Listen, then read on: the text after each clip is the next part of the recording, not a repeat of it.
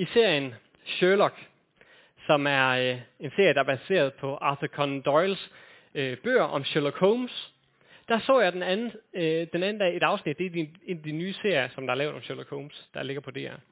Der så jeg øh, et afsnit den anden dag, hvor jeg tænkte, her er der alligevel en noget øh, øh, større dybde end tidligere, jeg har set i afsnitten. Der, var rigtig, der, der plejer rigtig meget sjov og spænding og intellektuel stimulans, og der er rigtig meget mystik om, hvordan man opklarer de her forbrydelser, og Sherlock Holmes han er bare en mesterdetektiv. Men her var der lige pludselig et afsnit med en helt anden karakter. Og det er John Watson, Sherlock Holmes trofaste følgesvend, som øh, omtaler sin nyligt afdøde hustru sådan her. Eller han siger om hende. Hun lærte mig at være den mand, hun allerede troede, jeg var. Den mand, hun troede, jeg var, er den mand, jeg ønsker at være. Altså, hun lærte mig at være den mand, hun allerede troede, jeg var. Den mand, hun troede, jeg var, er den mand, jeg ønsker at være. Han sætter her ord på, at uden hans hustru Mary til at opmuntre ham, til at støtte ham i at være den gode trofaste mand, som han faktisk var, uden hende, så havde han ikke været det. Så kunne han ikke være den mand. Uden hende, så havde han ikke selv haft viljen og kærligheden til tidligere i afsnittet at redde Sherlock Holmes, Sherlock Holmes fra døden. For John Watson han havde en vrede mod Sherlock Holmes. Han var blevet forhærdet i sin vrede mod Sherlock Holmes, fordi Sherlock ikke kunne redde Mary fra døden. Men Marys tanker om John Watson, om at han er en trofast ven, det fik ham til at redde Sherlock Holmes alligevel. Han havde brug for en andens blik, en andens øjne til at se bag ved fejlene, bag ved manglerne, bag ved det hårde hjerte, bag ved den forhærdede vrede. For at han kunne blive set som den, han var skabt til at være. Og det vilde det er, at det er først, da han indser Marys tanker om ham. Det er først der, at han faktisk får modet til at gøre det rigtige og redde Sherlock mod til verdens sande ven, den gode ven, der gør det gode. Med det perspektiv, så skal vi læse brevlæsningen til den her søndag i dag. Det er fra Hebræerbrevet kapitel 3, vers 12-14. Se til, brødre, at der aldrig i nogen af jer skal være et ondt, vantro hjerte, så der sker frafald fra den levende Gud. Men forman hinanden hver dag, så længe der er noget, der hedder i dag, for at ingen af jer skal blive forhærdet ved syndens bedrag. For vi har del i Kristus, hvis vi indtil det sidste holder urokkeligt fast ved den tillid, vi havde i begyndelsen.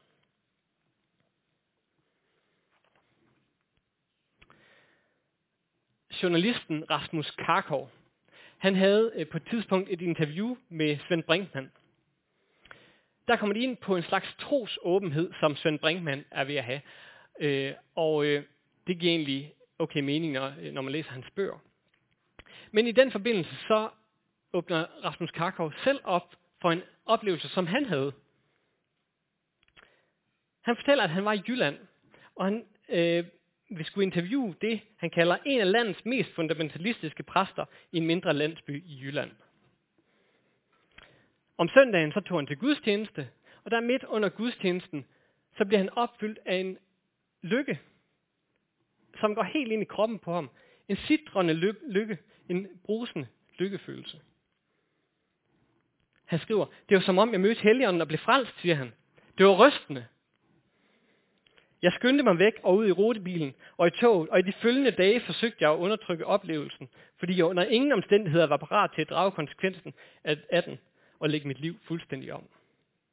Uanset hvad jeg oplevede den søndag, valgte jeg at vende ryggen til Gud.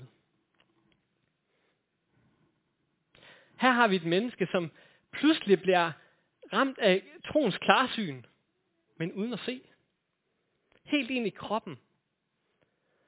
Guds virkelighed melder sig virkelig for fuld styrke. Så markant, at det han gør bagefter, det kalder han selv at vende Gud ryggen. Nu kender jeg ikke mere til hans historie. Jeg ved ikke, hvad der ellers er sket. Men jeg kan ikke lade være med at tænke, hvad nu hvis der til den her gudstjeneste har været nogen, som han kunne dele den her erfaring med. Hvad nu hvis der var en, der havde spurgt til ham? En, der havde øh, vist sig en tillid værdig, så han kunne dele den her erfaring. En at snakke med. En, der kunne støtte ham og styrke ham i de her troskorn, som var blevet plantet i ham den her søndag. Prøv at tænke, hvis han havde haft en Mary ved sin side. En, som havde sagt, det her, det er det sande og det gode. Det her, det er det menneske, jeg ser i dig. Det menneske, som bliver genforbundet med sin skaber. Så det er, at du kan elske selvhengivet. Gøre det gode. Vær den mand, som Gud har skabt dig til at være. Men journalisten holder det for sig selv. Han flygter og taler ikke med nogen om det. Og måske har han slet ikke talt med nogen om det før det her interview, hvor han pludselig kommer i tanke om det. Berøring af Gud har været isoleret. Ingen kan tro ret længe for sig selv. Ingen kan leve ret længe for sig selv. Jeg ved ikke, om I har set øh, filmen Castaway, hvor Tom Hanks er ude på en øde ø, og der er simpelthen ikke andre mennesker, selvom han virkelig leder efter det. Og der finder han en volleyball, hvor der står Wilson. Og det bliver hans bedste kammerat. Han snakker med Wilson, fordi han har brug for en at være sammen med. Og jeg tænker, måske havde han slet ikke overlevet, hvis han ikke havde haft Wilson der ved sin side, og kunne bare kommunikere med på en eller anden måde. I første Mosebog, der siger Gud, da han har skabt det første menneske, Adam, det er ikke godt for mennesket at være alene. Vi er ikke programmeret til at leve for os selv og holde vores liv og vores erfaringer for os selv. Og måske siger det sig selv. Måske ved vi det godt. Men jeg kan nogle gange alligevel godt have lyst til at smutte derud i ødemarken. Ligesom i alene i vildmarken. Derud, hvor jeg bare kan være mig selv. Uden forpligtelser, uden ansvar, bare være mig ude i den rå natur. Men man skal godt nok ikke se meget af det program, før man ser folk smutte hjem igen, fordi at de savner hustru eller børn eller forældre. Jeg tænker bare, ah, come on, du er helt til Nordnorge for at være der i tre dage. Men måske er det først der, ude i den nøgne ensomhed, at man finder ud af, hvor meget man har brug for andre mennesker omkring sig. Der er en kamp om relationer. En kamp om fællesskaber. Både når vi kigger ud i verden og ind i os selv. For ærligt, jeg tror at det, øh, det er de færreste, som har, ikke har tænkt den her tanke. Det ville være nemmere, hvis jeg bare levede for mig selv. Hvis jeg ikke følte mig forpligtet til at besøge min demente mor eller bedstefar. Hvis jeg ikke følte mig forpligtet til at gøre det, som jeg måske ikke altid har lyst til. Eller hvis jeg ikke skulle koordinere med min ægtefælle eller min bofælle om, hvornår vi skal spise, eller hvad vi skal spise, hvis man bare kunne bestemme selv for en gang skyld. Eller hvis man ikke behøvede at konfronteres med det svære i livet, øh, ved at dele det i et ærligt kristen fællesskab. Der er der meget bøvl og mange kampe, man på en eller anden måde kan krybe udenom ved bare at være alene. Og hvis man ikke har håb for menneskelige relationer, så kan jeg godt forstå, hvis man tænker, her i livet skal jeg bevise mit værd. Jeg skal bevise mit værd. Så derfor øh, kan jeg lige så godt gå efter at få de bedste karakterer. Eller ikke vise sårbarhed for at vise, at jeg er stærk. Eller jeg kan, må hellere smutte fra mit forhold, før personen smutter fra mig. Fordi så er det jo mig, der ikke er noget værd.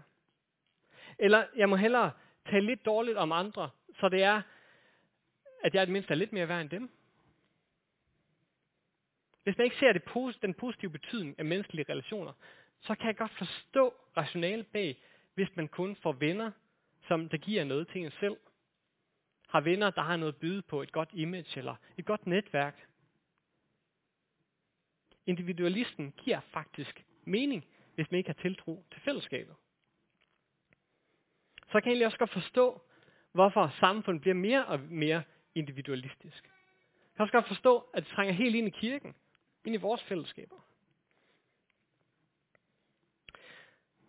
Jeg kender flere, som har været bekendende kristne, men som i løbet af en stykke tid er ikke er kristne mere.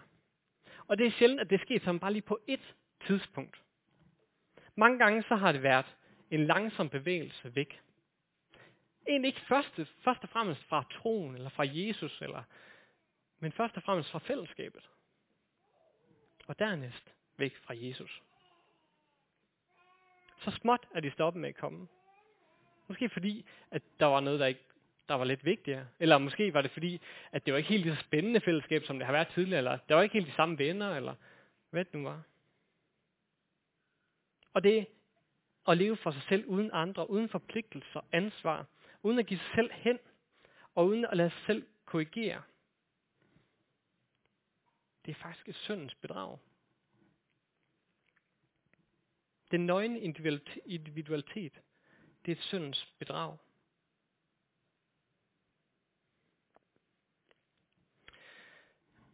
I teksten til i dag, der er kuren, modgiften, alternativ til et ondt og vantroet hjerte, alternativ til frafald fra Gud, alternativet til syndens bedrag, det er fællesskabet. Det er fællesskabet, der binder sammen, der støtter, der opmuntrer, der hæpper på hinanden, der er påtrængende med omsorg og kærlighed og tjeneste.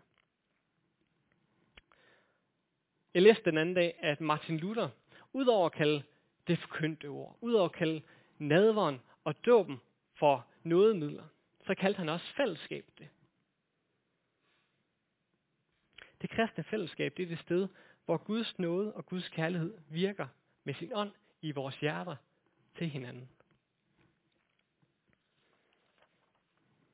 Og det kan Martin Luther sige, fordi det er Bibelens løfter til fællesskabet. Vi er Jesu krop. Og på den måde viser vi Jesus, hans nåde, hans kærlighed til hinanden og til verden omkring os. Da jeg først læste teksten til i dag, så tænkte jeg, hold da op, en alvorlig tekst. Den handler om hjertets ond, ondskaber, hjertets øh, vantro, og den handler om frafald fra Gud og et syndens bedrag. Og så den handler den om, hvordan en hård formaning er det eneste, der kan banke en på plads til den rette vej. Og det er jo rigtigt, at der er en alvor. Der, det er jo muligt at falde fra den levende Gud. Det er muligt at blive lullet i søvn af søndens bedrag, om at det er bedre at leve for os selv. Men da jeg så læste 2020-oversættelsen, så blev jeg mindet om, at formaning ikke egentlig er bedre videnhed, eller at banke nogen på plads. Der står her i 2020-oversættelsen, oversat det samme stykke. Så længe der stadig er noget, der hedder i dag, skal I hver eneste dag støtte hinanden. Vi skal støtte hinanden. Og det er en langt mere præcis oversættelse af grundteksten, end det vi egentlig forbinder, forbinder med formaning. Vi skal støtte hinanden. Vi skal stå sammen i fællesskabet, mens tid er, mens det hedder i dag. For hvis vi venter til i morgen, kan det være, at vi har svigtet en bror eller søster. Vi skal støtte hinanden. Og det betyder også, at vi skal tale sandhed. Det betyder, at man skal tale øh, sandhed ind i hans liv. Men ligesom det er i relationer ellers, så skal man vinde sig taleret. Ved at lytte, ved at knytte bånd, ved at tjene, ved at elske selvhengivet. Det at tale ærligt ind i hinandens liv, det er noget, man bliver inviteret til. Vi må stå sammen. Søndens bedrag, som forsøger at isolere os fra hinanden, det er altså ikke noget, vi behøver at stå alene i. Vi står sammen om kampene mod synden, mod det onde, mod frafald, mod det vantro hjerte. En for alle, alle for en. Vi må gøre alt, hvad der står i vores magt, for at stå sammen. Og det betyder også, at hvis der er splid, eller hvis der er konflikt, så er det noget, som vi må værne os imod. Vi må forsone os med hinanden. Og det er det tid til i dag. Så hvis man har noget mod en anden, så er det tid til at forsone sig i dag. Syndens bedrag, det forsøger at isolere os fra hinanden. Men vi vil ikke lade os lulle søvn af syndens bedrag.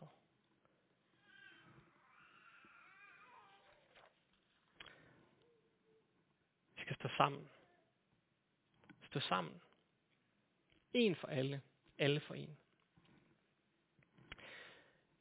Det kan være, du blev såret over fællesskabet, eller du blev stødt væk på en eller anden måde, eller fællesskabets, øh, det kristne fællesskabs øh, herlighed ligesom er falmet lidt,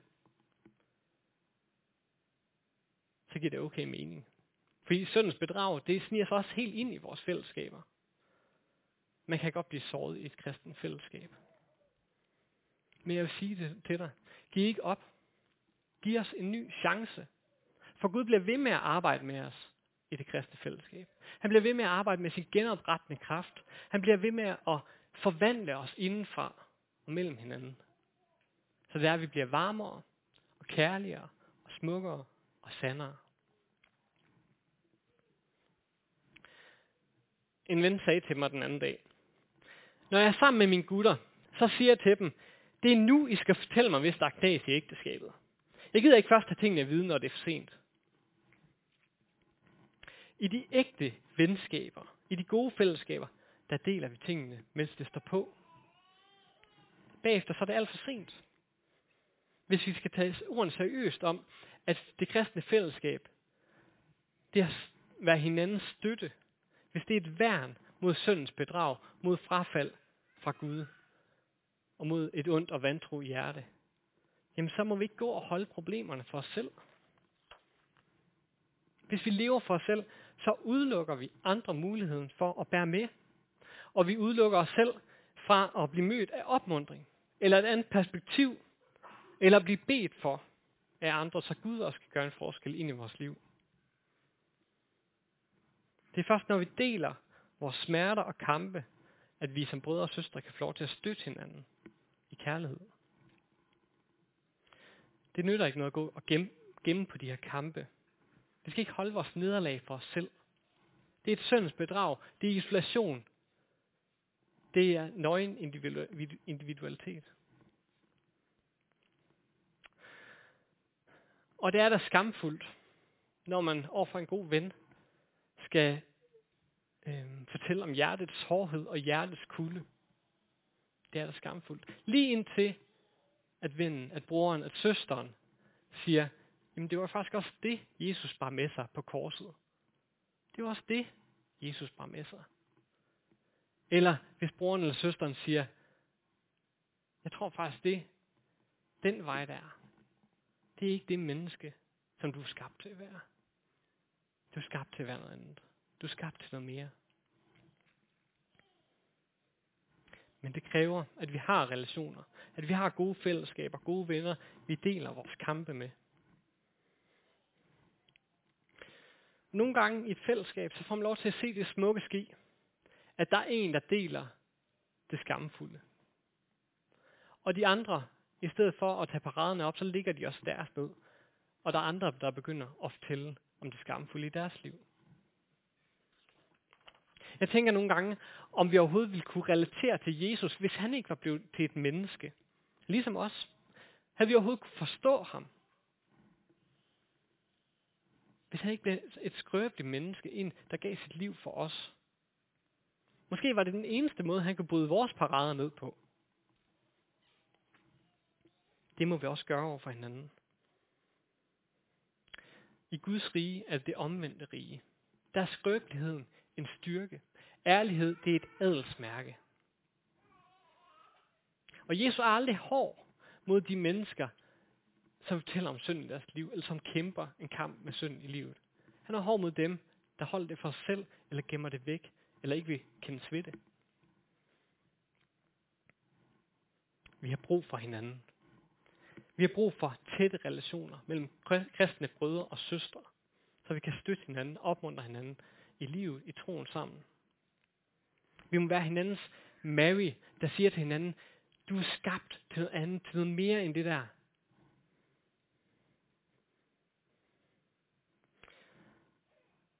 I kirken, der har vi en vision, der hedder, vi er kaldet til at elske Gud, hinanden og Kolding. Vi skal elske hinanden. Vi skal støtte hinanden og styrke hinanden i det, som vi er skabt til at være. Til at blive helt os selv. Og nu er det altså lettere at vandre sammen med lidt færre, end der er til gudstjenesten i dag. Og derfor har vi også det næste stykke tid fokus på mindre fællesskaber. Vi prøver at genopdage de mindre fællesskaber. Og vi sætter også fokus, fokus på at gøre en indsats for at starte flere klyngefællesskaber op, flere åbne fællesskaber i vores kirke. Så der vi kan begynde at vandre sammen. Og det vil I høre mere om senest på meningslejen, hvis I kommer der. Vi har brug for fællesskaber. Vi vil ikke leve for os selv. Vi vil leve sammen med andre, blive opmuntret af andre og selv opmuntre. Vi vil leve en for alle, alle for en. Skal vi rejse os og bede sammen?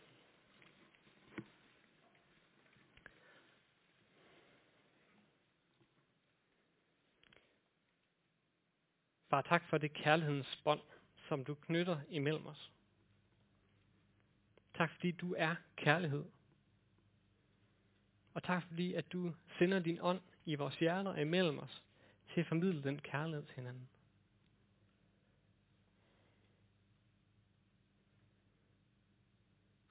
Vil du forvandle os et skridt ad gangen? Vil du gøre os mere sårbare? Vil du vise det, der er skjult hos os? Så vi begynder at leve efter din vilje. Leve sådan, som vi er skabt til at være. Så vi kan blive helt os selv.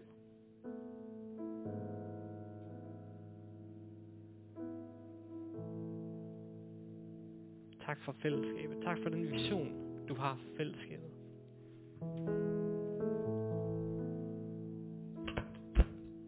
Vil du gøre det, du gør? Vil du arbejde på en måde, du nu arbejder på? Og vil du gøre det igennem os?